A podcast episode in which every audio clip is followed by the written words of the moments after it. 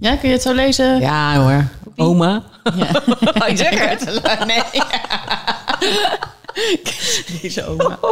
Ja? Lopen we? Ehm, kan ik iemand nog even bijschenken? Dit is Jet, moeder-overste. Veel te goed voor deze wereld en kookt het liefst voor de hele buurt. Ja, dat is Sander. Dat is een beetje de Hannibal van onze club.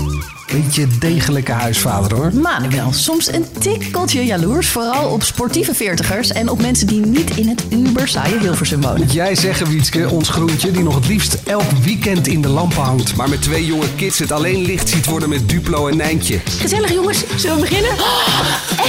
Ja, wat moet ik dan nou? Nu klink je echt als een oude man. En toen wilde zij met me trouwen. kon ik toen nog niet aan of zo. Maar werd jouw moeder niet helemaal krankzinnig daarvan? Ja, legendarisch hè? Ja, kippenvel. Keken wij gewoon altijd. Er was ook niks aan. Ik heb zoveel vergeten, maar dit zijn dingen. De veertigers